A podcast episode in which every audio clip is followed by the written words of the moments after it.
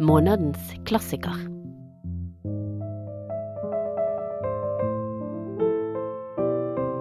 En podkast fra Bergen offentlige bibliotek.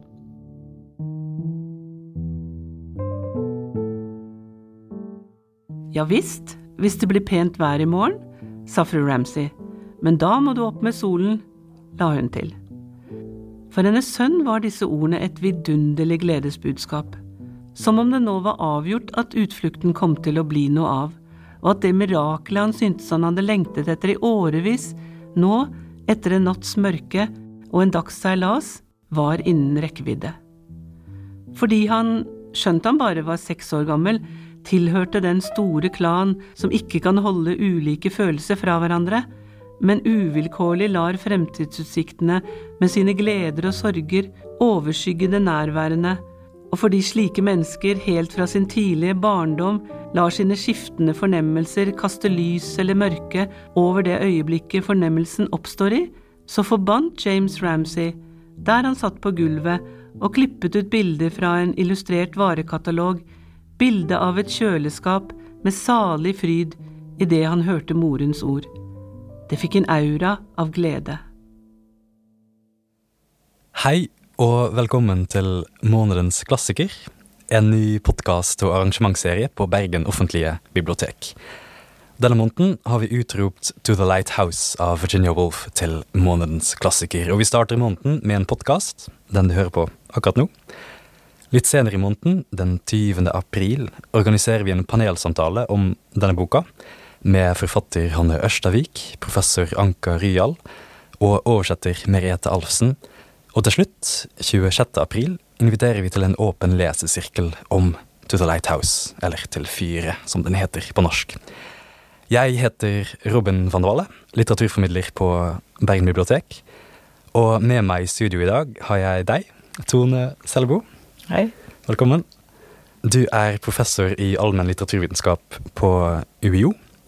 Og du har forsket og undervist en del på uh, Virginia Woolf, og har skrevet annet om hennes forhold til byen og det å gå, det å vandre. Um, ellers er det jo også medforfatter bak standardverket Verdenslitteratur, og har skrevet bøkene Hva er en roman? og Leselyst. Og de ble også i 2016 kåret av Morgenbladet til en av landets ti beste forelesere. Og jeg vil åpne denne podkasten med litt generell, et generelt spørsmål. Fordi arrangementsserien vår heter jo Månedens klassiker. Ja. Um, men hva legger vi egentlig i begrepet en klassiker? Ja, det er et vanskelig spørsmål å svare på. Jeg har ikke funnet noen ordentlig god definisjon. Altså opprinnelig, hvis man går liksom tilbake til antikken, så betyr det jo typisk og mønstergyldig. Men jeg tenker en klassiker, det er en roman som har overlevd eh, sin egen tid. Vi har jo mange sånne moderne klassikerserier, eh, og Penguin har jo Modern Classics, som de gir ut, blant annet Virginia Woolfie. Men eh, skal vi snakke om klassikere, så tenker jeg at det har noe med varighet å gjøre. Det har noe med tidløshet å gjøre. Og så er det jo så vanskelig å snakke om fordi, eller å definere, fordi det er så nært knyttet til kanon, eksempel. Kvalitet. Alle disse ordene som eh, ikke er så lett å komme med en definisjon på. Jeg tenker ofte på at en klassiker må tåle gjenlesning. Eh, Og ett sånn typisk tegn på at noe har overlevd og tålt gjenlesning, det er jo f.eks. at det får nye oversettelser hele tiden. Og det er jo the Lighthouse et godt eksempel på, da. Vi har jo en veldig, veldig god um, Wolf-oversetter på norsk, Merete Alfsen, som har oversatt veldig mye av Wolf, og har en veldig fin oversettelse av To the Lighthouse. Og så har vi jo tillegg nå fått en flott nynorsk oversettelse av Britt Bildøen. Så vi har jo en helt fersk eh, oversettelse av en etter hvert Ja, jeg vet ikke hva vi skal kalle den en gammel bok, sånn litteraturhistorisk sett så er den vel ikke det, men den har jo den har jo uh, levd i mange år nå, den kom i 1927. Så jeg er helt med på å kalle Virginia Woolfs To the Light' of en klassiker. Den tåler gjenlesning. Og hver gang jeg leser den om igjen, så tenker jeg for en fabelaktig roman. Hvordan får man til det, tror du? Fins det noen sånne kriterier som man kan peke på som gjør at en bok overlever sin egen tid, som du sa? Jeg tror kanskje at man Det har jo selvfølgelig noe med språk å gjøre.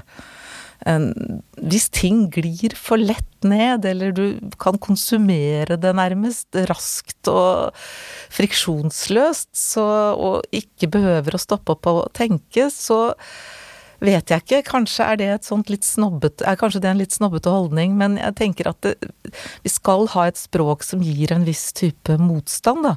Og det gjør jo absolutt Virginia Woolfs eh, språk. Og det gjelder også for mange gode, real, store, realistiske romaner. Så det handler ikke om at Virginia Woolf er vanskelig og smal og ikke primært opptatt av plott og sånne ting, men det handler like mye om at vi får noe å tygge på, vi lærer noe. Det er liksom noe både for tanken og følelsen. Jeg lurer på um, Eller mitt første møte med um, denne boka her er jo på en måte på grunn av deg fordi det var denne forelesningen på Blindern den gangen jeg gikk, tok litteraturfag der. Men jeg lurer på om du kan fortelle oss litt om ditt første møte med denne boka, og hva, hva det var som slo deg eller eh, trakk deg til dette verket? Vet du hva, jeg husker faktisk ikke mitt første møte med den. Eh, men jeg tror nok at første gang jeg leste den, så syntes jeg den var vanskelig strevde med å skjønne hva den egentlig handla om, og så leste jeg den på engelsk. Og det er vans et vanskelig språk. Og den er vanskelig eller krevende fordi at det er så mye som foregår på en gang, selv om den ikke har så mye av det som vi normalt kaller for handling. Hvis du skulle begynne å gjenfortelle den romanen Ofte så, ikke sant, hvis vi har lest noe vi syns er bra, så spør vi hverandre ja, hva handler den om da? Jo, dette er en gruppe folk på ferie. De lurer på om de Noen av dem lurer på om de skal dra til et fyr dagen etter, det blir ikke noe av, og så går det ti år, og så kommer noen tilbake, og så drar de til fyret det er ikke en roman du har lyst til å lese hvis du hører akkurat det. Men hvis du begynner å lese den, så ligger liksom handlingen helt andre steder. Og jeg tror det var det jeg strevde litt med til å begynne med da jeg leste den. At du må liksom følge disse forskjellige stemmene, du må følge de forskjellige tankerekkene. Og så er det der på en måte spenningen ligger, altså i samhandlingen eh, mellom de forskjellige menneskene. Måten de misforstår hverandre på, måten de ser hverandre på Sånn at jeg kan ikke huske Jeg kan ikke huske i detalj min, liksom, mitt førsteinntrykk, men jeg husker veldig godt mitt andre eller tredje inntrykk. Fordi at da kom jeg tilbake til romanen, og så plutselig så begynte den å leve for meg. Eh, og så husker jeg særlig ett sitat som jeg tenkte jeg skulle ta på norsk, da, så det er litt lettere å formidle til eh, lytterne. Og det er denne malerinnen som er viktig i denne romanen, som står og maler på et maleri i første del av boka, og står og maler på et maleri i siste del av boka, og strever med det. Og noen har ment at det har vært det samme, noen har ment at det har vært to forskjellige. Jeg tror det er to forskjellige, men det er ikke så viktig. Men da sier hun noe helt fantastisk, syns jeg. Da sier hun, eller det er ikke hun som sier det, men det er fortelleren som sier det, så å si på vegne av henne. Det hun ville, tenkte hun, å dryppe dyppet penselen målbevisst, var å være på nivå med den dagligdagse erfaring, og føle enkel, helt enkelt det er en stol, det er et bord, men samtidig, det er et mirakel, det er en ekstase. Og hun har jo ofte tenkt på Wolf som en sånn forfatter som ikke er opptatt av det dagligdagse, men det er hun jo i aller høyeste grad. Ordinary experience. Den vanlige eh, og dagligdagse erfaringen er hun kjempeopptatt av. Og her har du et sånt sitat som liksom rommer så mye, da. Og du blir gående og grunne på, i hvert fall ble jeg gående og grunne på det. Altså, stolen og bordet og er jo helt alminnelige, dagligdagse, men det som de ordene peker på, det er jo på en måte at bak det tilsynelatende alminnelige, så ligger det på en måte muligheter for mening og betydning og opplevelser som kan åpne helt sånn, ja, nye verdener for oss, for å bruke litt store ord. Og kanskje også skape broer mellom oss, da. Sånn at kanskje er det det Virginia Woolf prøver å få fram i sine romaner, da. At det helt alminnelige, det er en sånn kilde til ja, noe fantastisk og noe ekstatisk og noe mysteriøst, eller uh, hva man skal si, da. Hun vil få oss til å se det. Mm. Vi skal snakke litt uh, mer senere om uh, denne malerinnen, Lilly Briscoe, for ja. jeg føler at hun er ganske viktig i, i boka. Um, men akkurat det vi var inne på nå, at um, dette kan være en vanskelig bok å lese, mm. i hvert fall ved første lesning. Uh, men har du noen tips til lesere som kommer, altså helt nye lesere da, som kommer til dette verket for første gang? Hvordan de kan liksom knekke koden og komme liksom inn i, inn i det? Ja, det er et veldig godt spørsmål. Um, det er jo liksom kanskje litt sånn drepende å si til en eh, interessert leser at ja, da må du se litt på fortellerteknikken. Det er jo ikke på en måte en vinner å svare med det, men jeg tror på en måte at man må prøve å se litt på Eller liksom lese den langsomt og se litt på måten den er fortalt på. fordi at eh, hvis man ikke får med seg det, at her er det Altså perspektivet skifter hele tiden. Sånn at du må ha tunga litt sånn rett i munnen. Hvem er det som tenker og snakker nå? Hvem er det som ser på dette? Um, og, du, og det er på en måte ikke så vanskelig, du skal bare være, bruke litt tid på det. Um, bare ta deg god tid når du leser.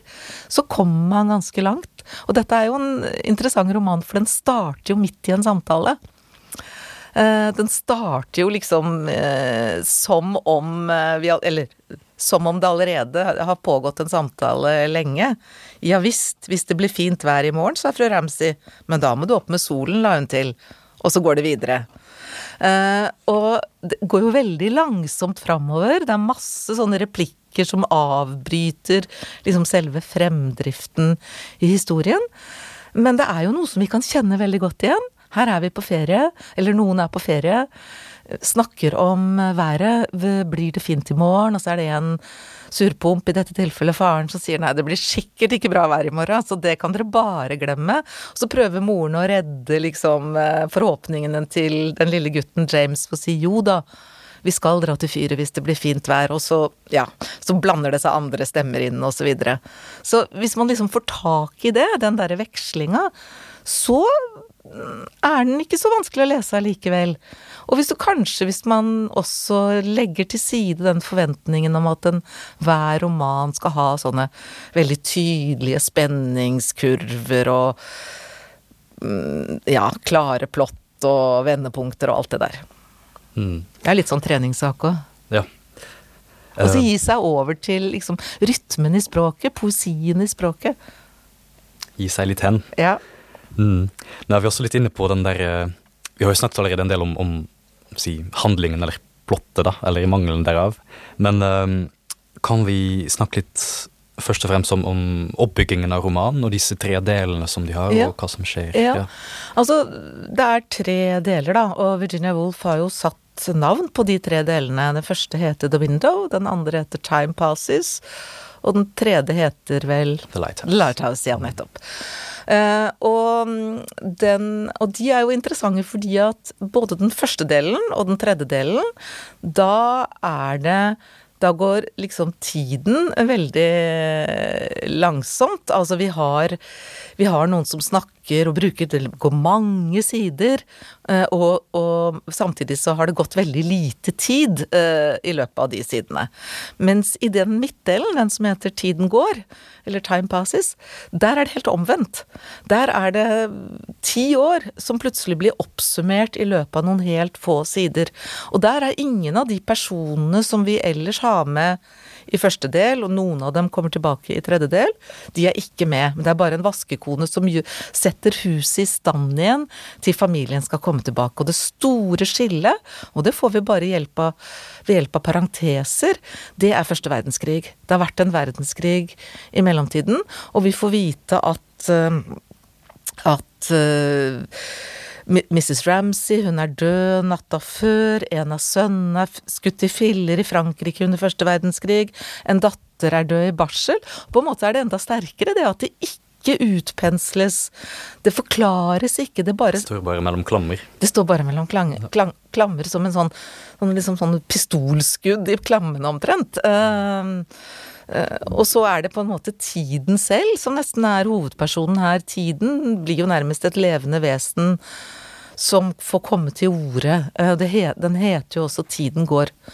Så, så vi har De er veldig ulike, de delene. Og så i tredje del så det har vært en del Altså, disse menneskene som vi møter i første del, de er jo trukket trykket mot Mrs. Ramsay alle sammen som møllen mot lyset. Hun er jo det sentrale samlingspunktet. Åpenbart en dame på rundt 50 år, veldig attraktiv fortsatt. Alle er litt forelsket i henne. Um, og hun prøver jo fortvilet å danne par av disse gjestene. Noen lykkes hun med, noen lykkes hun også ikke med.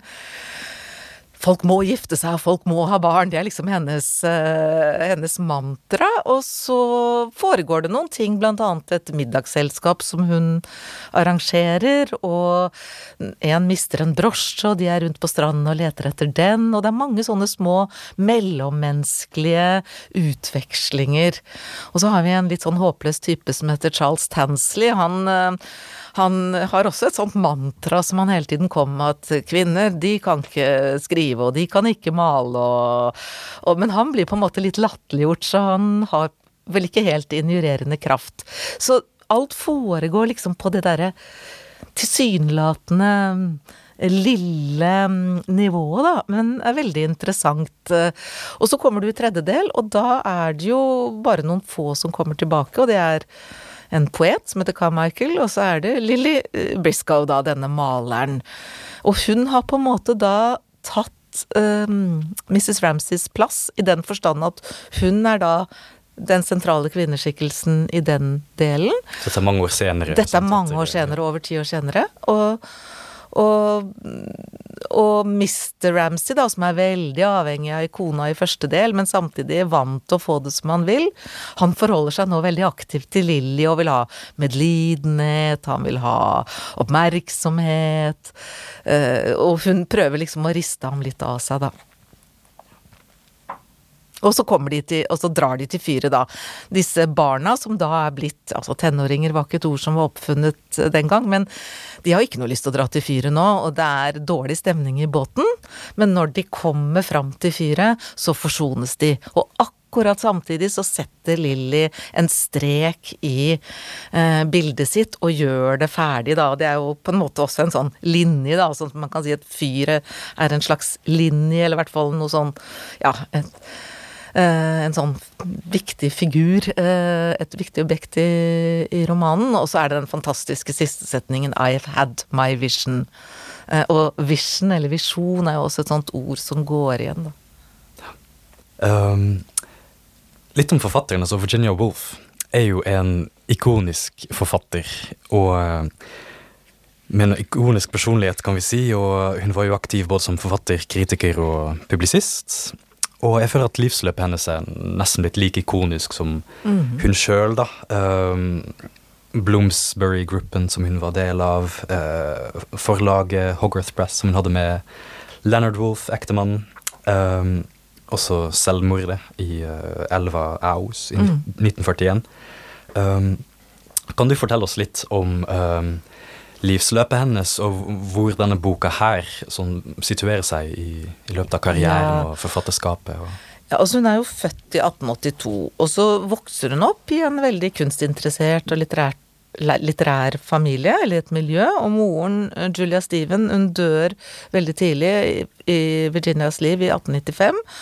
Og i 1904 døde faren, og faren var en dominerende figur, men også en viktig person i Eller begge foreldrene var, men faren var jo litterator, litt sånn man of letters. Eh, og da han dør, så flytter Virginia og sammen med noen av søsknene fra barndomshjemmet i Kensington til Bloomsbury. Så hun flytter på en måte fra en mer sånn viktoriansk setting, en sånn litt sånn mer tungt borgerlig setting, hvor veggene var malt svarte, for eksempel, og lagdelingen mellom de forskjellige inn, beboerne i huset var veldig tydelig markert, og så flytter de til Bloomsbury, og hun sier og vi malte va, mal, veggene hvite, og vi kastet over bord nærmest liksom tøyservietter og brukte bare papirservietter isteden, og, og det er en enorm frigjøring for henne og Vanessa, søsteren, som etter hvert blir maler.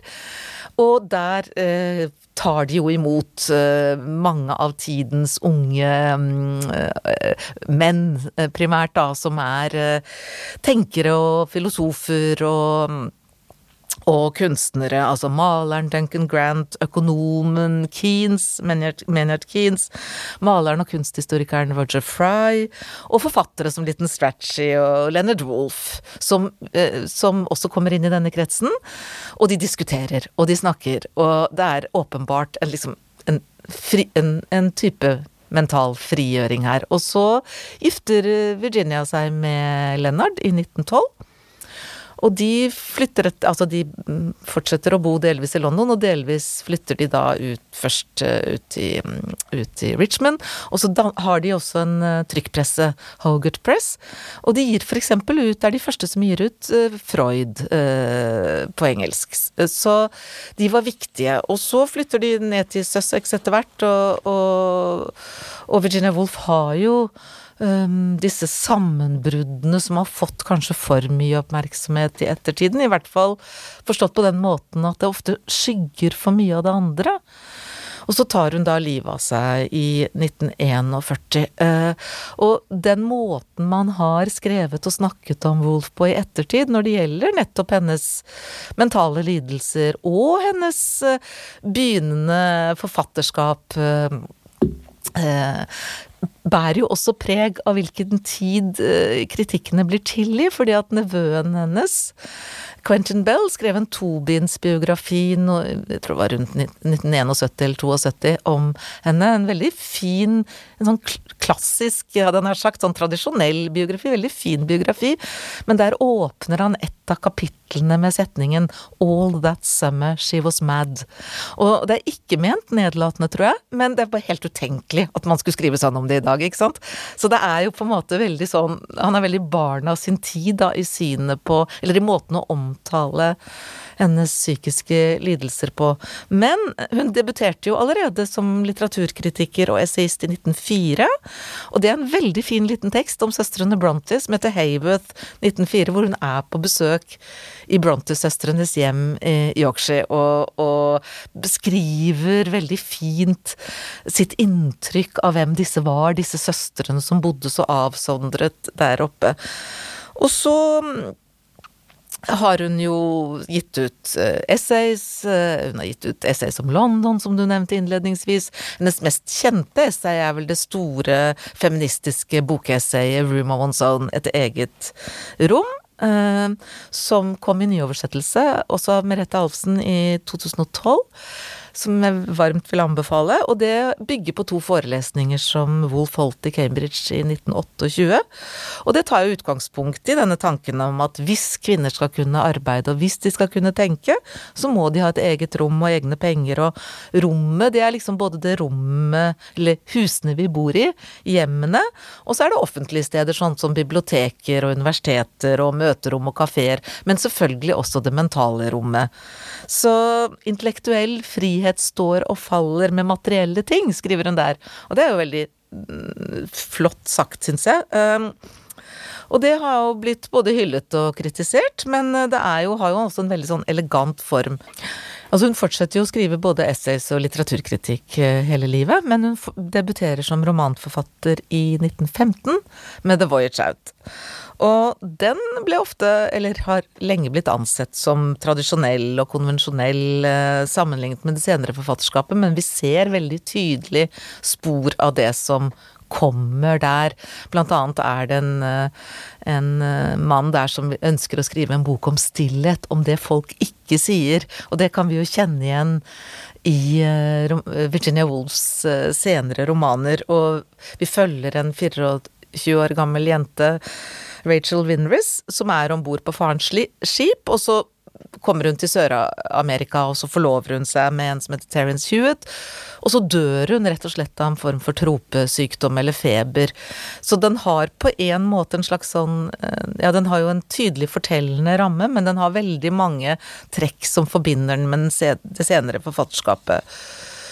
Jeg tror ikke jeg skal ramse opp alle romanene hennes, men der vi ser for første gang at hun tar definitivt farvel med den mer sånn realistiske skrivemåten, det er vel i Jacobs Room.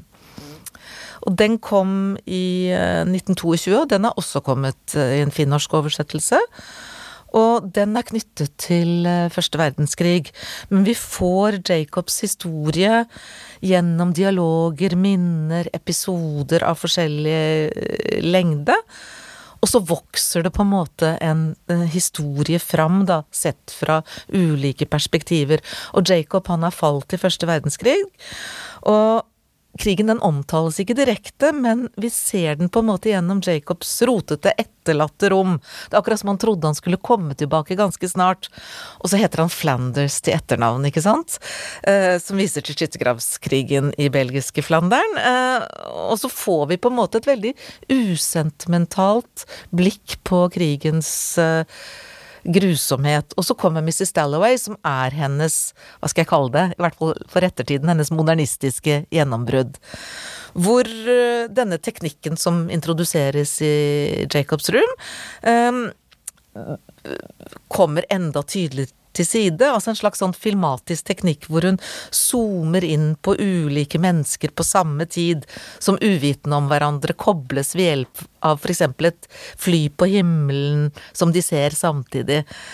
Eh, og en del indre monologer og brudd på fortellingens kronologi og den type ting som vi ofte forbinder med det som har fått samlebetegnelsen modernistisk litteratur, da.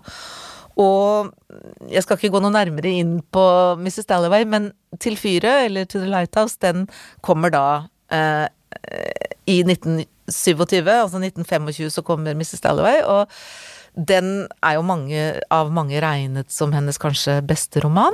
Eh, I hvert fall er, har den fått en veldig sånn ja, eh, sterk posisjon for ettertiden. Det gjelder jo flere av romanene, men den ikke minst, da. Og og det er jo den, som, den dere har valgt også. Men så har hun også veldig fine romaner etter det, og en roman som går enda lenger i å på en måte bare vise fram stemmene som et sånt kor. Eh, det er Bølgene, som kommer etter, eh, etter eh, To the Lighthouse. Og så har hun også en veldig fin siste roman som heter Between the Acts, som er knyttet til andre verdenskrig. Men den skal vi sikkert ikke gå inn på her. Du var litt inne på um, um, Du kalte det en filmatisk teknikk, at hun liksom zoomer inn på ulike karakterer som kobles sammen fordi de ser samme fly, eller noe sånt. Um, stream of consciousness, blir det et riktig begrep å bruke om Virginia Woolf, eller skal man heller bruke noe annet? Altså Strengt tatt så er det ikke det, fordi at det betyr egentlig at eh, vi ikke har anført i det hele tatt hvem som tenker eller sier hva. At det kommer en sånn tankestrøm uten tegnsetting og uten på en måte noe noen ytre innblanding i tankestrømmen. Og liksom kroneksempelet på det er de 40 siste sidene av James Joyces Ulysses, hvor Molly Blooms tankestrøm har gitt navnet til, eller i hvert fall vært kanskje det fremste eksempelet da, på en sånn stream of consciousness. Og det interessante er at hvis du spør studenter liksom hva forbinder dere med Virginia Woolf? Stream of consciousness, er nesten det første de sier. Men her har vi hele tiden en forteller som både anfører tenkte, sa, mente osv., men som gir ordet til ulike personer, sånn at vi er veldig, veldig, veldig tett opp til de personene, og vi er ofte inni deres hode. Sånn at fortelleren blir på en måte en slags sånn La, merker ikke fortelleren så veldig tydelig, og det er klart det er innslag av indre monologer her, men Strengt tatt så er det ikke noen, noen sånn stream, stream, of consciousness-roman. Det er Jeg vet liksom ikke hvor teknisk vi skal bli, men det er, det er en sånn teknikk hvor fortelleren har ordet, men uh, de forskjellige personene ser. Sånn at noen ganger så er det ikke så veldig lett å å vite er det fortelleren som sier dette her, eller er det f.eks. Lily Briscoe eller Mrs. Ramsey eller uh, eh, Mr. Ramsey, eller hvem er det egentlig uh, som snakker nå, eller tenker nå? Uh, men det er hele tiden en forteller som organiserer fremstillingen, da. Det er det som vi ofte kaller for fri indirekte diskurs, eller fri indirekte tale eller tanke. Og det er en, en en, en, teoretiker, litteraturhistoriker som heter Dorrit Kohn, og hun syns jeg har et veldig godt Eh, ord på dette, så vi skal slippe unna det der veldig tekniske. Hun kaller det rett og slett for fortalte monologer. Og det gir jo veldig mening at det er en slags monolog, men den, den er ikke i anførselstegn, og, den, og den, er, den, er, ikke fortalt av den som eh, Men av den personen som er tilknyttet til den. Den er fortalt av, eh, av en forteller, men er veldig smittet av en bestemt person, da. Huset var forlatt. Huset sto tomt. Som et skjell i sanden lå det, og blåste fullt av tørre saltkorn, nå som livet hadde forlatt det. Det var som om den lange natten hadde satt inn. De lekne, nyfikne vindene, de klamme, fomlende gufsene lot la seiret. Kjelen hadde rustet, og teppet råtnet. Padder hadde tatt seg inn. Dovent, ørkesløst svingte det løse sjalet frem og tilbake. En tissel boret seg vei opp mellom gullflisene i spisskammeret.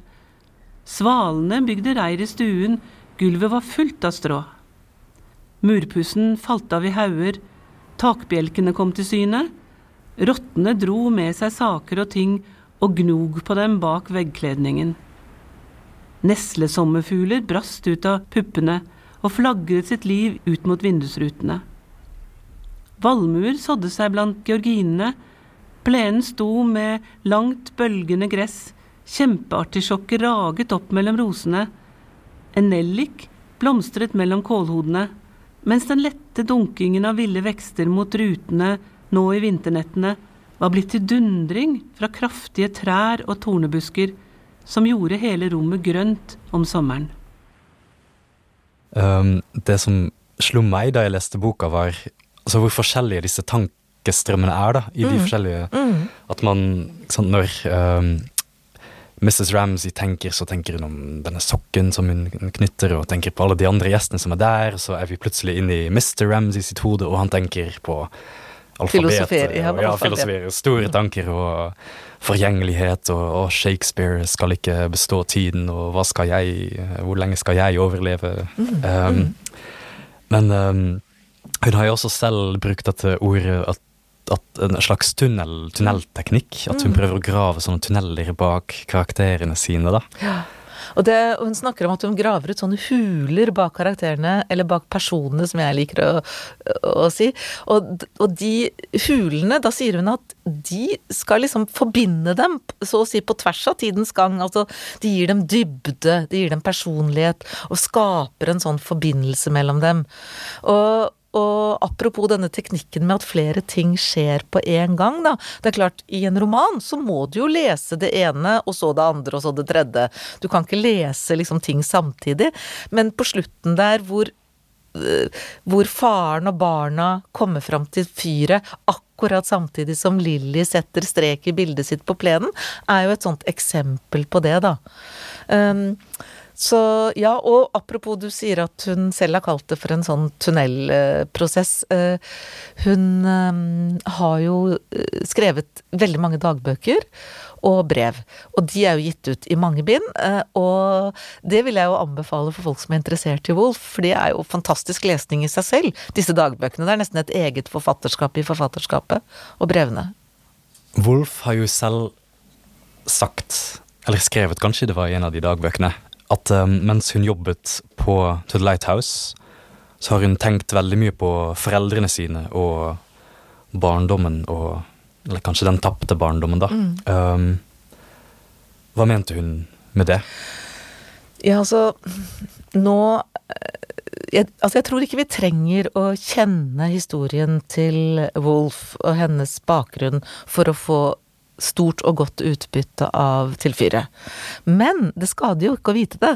Og dess mer vi vet, dess bedre blir det, på en måte. Fordi at eh, søsteren hennes sa jo at hun kjente igjen både moren og faren, eh, og kanskje særlig moren, tror jeg hun la vekt på da hun leste uh, To the Lighthouse første gang. Og det er helt klart at hun har med seg historien sin inn i denne romanen. Men det er en roman som allikevel hever den opp oppover det private, og gjør den til noe mer enn bare et uttrykk for hennes egen biografiske historie. Og hun sa jo selv på et tidspunkt at hun hadde tenkt å kalle den for en elegi, altså fra gresk elegos, som betyr sørgesang. Eh, og hun sa også at hun hadde At hun gjorde for seg selv det psykoanalytikeren gjør for sine pasienter, så å si rekonstruerer og bearbeider noen tap, noen erfaringer. Det er jo mange som dør i den romanen, ikke sant, og, og det er mye som tar slutt i den romanen. Eh, og det gir veldig mening, syns jeg, eh, og det gir en, en nok nok en, eh, et sånt perspektiv på romanen. At hun selvfølgelig tar med seg sin egen historie og sine egne erfaringer, men hun bearbeider dem. Så de blir mye mer enn bare et, et sånt uh, direkte uttrykk for hennes egen historie. De innføyes i en større, mer allmenn historie. Mm. Du, var, du, nevnte dette med elegi, at hun selv vurderte å kalle istedenfor mm. en roman en, en elegi, en sørgesang sørgedikt. Um, er dette da en bok som handler om døden og tap og Ja, er, den handler jo om det også, og det var i hvert fall det som gjorde, gjorde inntrykk på meg første gang jeg leste den.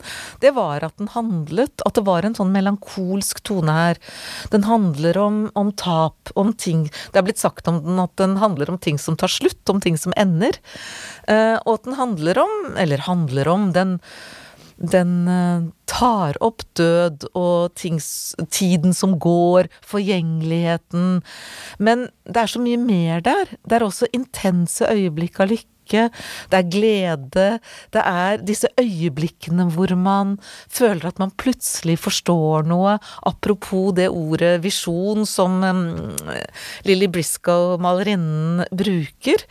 Uh, eller som i hvert fall blir brukt om henne, Uh, uh, at det er disse liksom plutselige øyeblikkene av glede som også binder mennesker sammen, og som plutselig skaper fellesskap og forbindelser.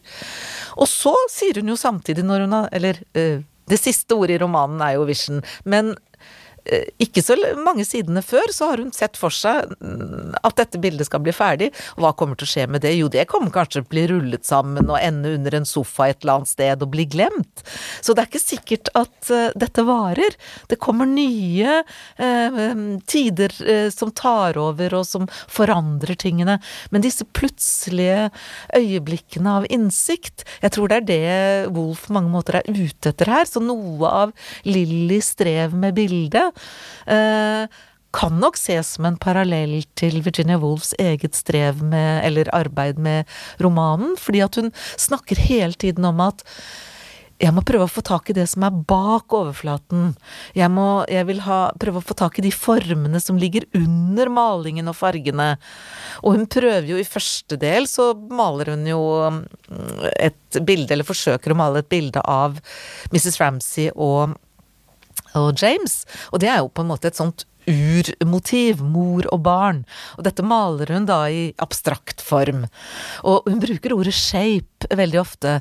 Få tak i formen. Eh, Eh, det som er eh, liksom Som ikke så lett lar seg sette på begrep, som ikke nødvendigvis lar seg fange i det hun får ned med penselen på lerretet. Og så i tredje del, da, hvis man godtar det som Ankarial skriver i sin veldig fine introduksjon til forfatterskapet om Virginia Woolf som heter 'Litterære grenseoverganger', og som jeg vil anbefale alle som skal liksom sette seg inn i forfatterskapet. Eh, hun sier, eh, og det tror jeg hun har helt rett i, at eh, nei, hun begynner på et nytt bilde i, i tredje del, og det bildet det er knyttet til faren og barna. Og det fullføres da på slutten.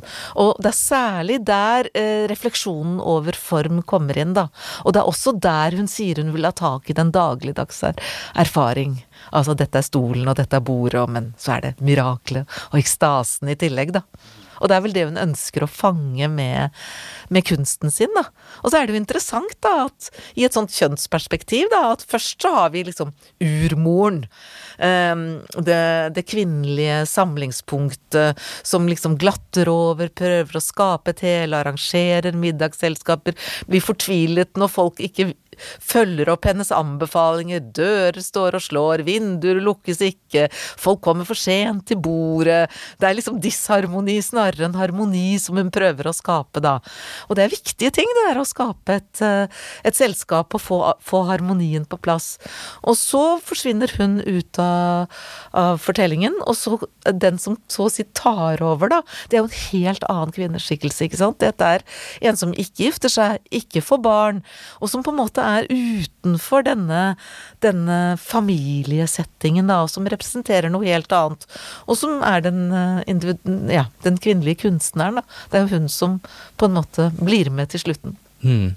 Nå er vi jo inne på dette med altså, kjønnsperspektivet, da. Og um, det du sa akkurat nå, er det en måte å se denne boka i sammenheng med Et eget rom, f.eks., og med feminismen? Er dette Virginia Woolf som prøver å liksom få inn en slags ideologi, eller hennes meninger om, om feminisme og den nye kvinnen, kvinnerollen etter verdenskrigen? Altså den, hun gjør det jo på en veldig fin måte, for det er jo så lite sånn ideologisk overstyrt her. Det er jo så lite liksom, didaktisk eller belærende. Hun, hun, forklarer jo ikke, hun bare viser fram. Uh, og det gjør hun jo ofte ved å ta med ting som er motsetningsfylte. Altså Lilly Briscoe, jo, kanskje er hun den nye kvinnen, hun som for første gang skal ut i arbeidslivet selv, hun som skaper selv, klarer seg på egen hånd. Men hun sliter jo med sine ting. Hun har en far som hun har, får noen sånne små tilbakeblikk da, til, til, livet hennes i London. En far som hun må ta vare på, og, og hun er alene. Og, og, det var også veldig interessant den dynamikken mellom henne og Mr. Ramsay. for, for han savner jo kona si og ønsker å få, samme, få en type oppmerksomhet fra henne som hun ikke er villig til å gi. Men så skjønner man på en måte han også. Og det er jo et fantastisk eh, scene der på, i siste delen hvor hun står ute på, på plenen og maler, og så kommer han. Og så tenker hun å nei, liksom nå kommer han igjen. Eh, og her har vi et typisk sånn innslag av, av, en forteller som liksom styrer fremstillingen, da. Eh, og, så, og, så, kommer han nærmere og nærmere, og så har han på seg noen sånne store, veldig imponerende støvler. Han har store føtter. Alt Jeg får inntrykk at alt på ham er litt sånn stort. Og, så, og, hun vil gjerne stå i fred og male, eh, og så skifter perspektivet da hele tiden mellom at hun tenker å, nå kommer sikkert Cam og James også, men så kommer uh, Mr. Ramsay, og så er det en lang, lang setning, og midt inni den står det, og det, det, det husker jeg nå bare på engelsk, da, så står det For after all, what woman could resist him? spørsmålstegn. Og det er så interessant, for det er et spørsmål som ikke Mr. Ramsay spør seg selv, men som Lilly forestiller seg at går gjennom Mr. Ramsays hode akkurat der og da. Han tenker Hun tenker at han tenker For hvilken kvinne er det egentlig som kan motstå meg? Og så fortsetter det med at vi følger liksom Lillys blikk, og da ser hun for seg at de derre støvlene hans, de går helt av seg selv til rommet hans, helt uten han, og de er kolossale, store, og de er sure, og de er selvmedlidende, og de er sjarmerende, akkurat som ham. Altså denne motsetningen mellom Og han er liksom anmassende, men han har jo også sin sjarm, og hun syns også synd på ham. Og så dette doble at han liksom føler at han kan trenge seg på fordi han har en selvbevissthet, og samtidig så er han engstelig og barnslig og sånn. Og dette får Virginia Woolfram ved hjelp av bare et, ett avsnitt, så tegner hun liksom opp en sånn scene hvor alle har sine forskjellige motiver og tanker for hva de ønsker og ikke ønsker. Sånn er det jo, det er jo sånn vi omgås hverandre. Jeg tenker 'å nei, gud, nå kommer han', og han tenker 'å nei, der står hun', og 'orker jeg dette nå', og alle disse motstridende tankene som går gjennom hodene på oss i sosiale situasjoner, ikke sant. Og så later vi som eh, noe annet enn det vi egentlig føler. Og akkurat det er Virginia Woolf utrolig god god til å ta vare på i, um, i sin litteratur. Også dette her at vi liksom hele tiden ser oss selv annerledes enn det andre mennesker ser oss som. Mm. Og den liksom, ja det, det komplekse samspillet, da. Ja, Blikket innenfra eller blikket utenfra. Ja, og- ja. Mm. Ja. Jeg måtte også tenke jeg holder, Akkurat nå holder jeg på å lese den der Girl, Woman, Other-boka av Bernardine Evaristo, som vant Booker-prisen for noen år tilbake. Og jeg måtte også tenke litt på Wolf, fordi hun bruker også dette med at det er mange ulike karakterer som på en måte også møter hverandre, slik at man får um, sett på en karakter både innenfra og utenfra gjennom forskjellige karakterer. da. Ja. Um, Jeg har ikke lest den, men jeg er jo mange som har påvirket av Wolf når det gjelder akkurat det, tror jeg. Ja, kanskje Har du noen tanker om, om på hvilken andre måter Virginia Woolf har uh, påvirket um, litteraturen eh, i ettertid, og kanskje hvordan hun var del av den der modernistiske bevegelsen da, som hun var på en måte midt inni? Eh, Ja, så Det er jo interessant, fordi at Wolf får jo mye mer oppmerksomhet nå enn hun fikk de første årene etter at hun døde. Fordi at det var jo mange år hvor man regnet Joyce f.eks. som en mye viktigere forfatter enn Wolf. Og sånn er det jo ikke lenger, heldigvis. Og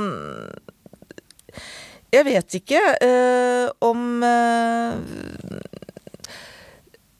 om jeg kan liksom peke på helt sånn bestemte ting, men at Wolf er en viktig forfatter, ikke minst for veldig mange kvinnelige forfattere, men ikke bare for dem.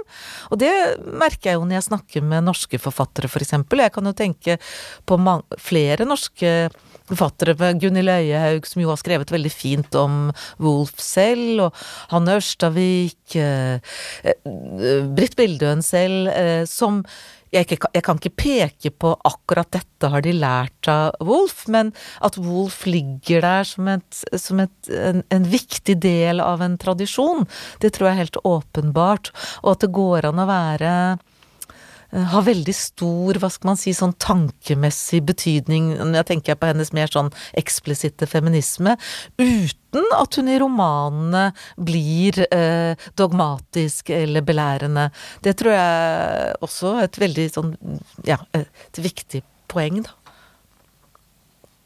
Og at eh, dette her med å liksom vise um, dagliglivets drama uten å forklare når, når Wolf selv skal kritisere det, den type litteraturen hun ikke ønsker å skrive, så, skriver, så sier hun jo liksom Describe, describe, describe, beskrive, beskrive, beskrive. Det er det hun ikke vil. Hun vil ikke beskrive, hun vil vise. Og det er jo det hun klarer å gjøre på en helt genial måte, eh, spør du meg. Og hun får oss liksom til å se på en ny måte, og det er ikke så lite uh, å si om En liten ting å si om en forfatter. Fort, som om det var noe der borte som trakk henne til seg, snudde hun seg mot lerretet. Der var det, bildet hennes.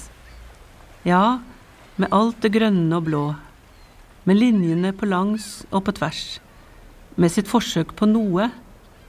Det kom til å bli hengt på loftet, tenkte hun. Det kom til å bli ødelagt. Men hva spilte det for rolle, spurte hun seg selv, og grep penselen på ny. Hun så på trappen. Den var tom. Hun så på lerretet. Det var uklart. Med en plutselig intensitet, som om hun et øyeblikk så det klart, trakk hun en linje der, midt i bildet. Det var ferdig. Det var fullført. Ja, tenkte hun, og la fra seg penselen, fullstendig utmattet. Jeg har hatt min visjon. Da tror jeg vi avslutter med et eh, aller siste spørsmål. Veldig generelt, men hvorfor skal vi lese denne boka i år, i 2022, syns du? Hmm, det var et vanskelig spørsmål. Eh, Jeg syns jo vi skal lese den fordi den eh, Den gir innsikt i menneskelivet. Den gir et veldig godt bilde på den måten vi omgås hverandre på, og samhandler på, og tenker på og føler på. Og det er noe som er helt uavhengig av tid og sted. Den handler om en bestemt gruppe mennesker på et bestemt tidspunkt i historien, men den handler også om oss i dag. eh, Og den gir et utrolig godt innblikk i menneskelig fortvilelse og samhandling og levevis Eller le liv, rett og slett. Er, er, er eh, Og hvis du legger merke til det i denne romanen, så stiller hun så mange spørsmål. Det er veldig mange uh, spørsmålstegn her, og det liker jeg veldig godt. Hva er meningen? Hva er meningen med det hele? Den type spørsmål. Og det blir vi jo aldri ferdig med. Evig aktuelle. Evig aktuelle. Ja. Og det er jo, gjør jo at den blir en klassiker. Yes. Der føler jeg at vi kan avrunde. Um, da vil jeg si tusen takk, Tone, for at du var med oss i dag. Takk selv. Så vil jeg takke teknikerne Lars Bjørknes og Bjarte Hundvin. Og tekstutdragene var lest av Anne Berit Helland. Og så må dere, kjære lytterne, gjerne bli med på panelsamtalen 20. april, eller på den lesesirkelen vår eh, 26. april. Takk for oss, og god lesning.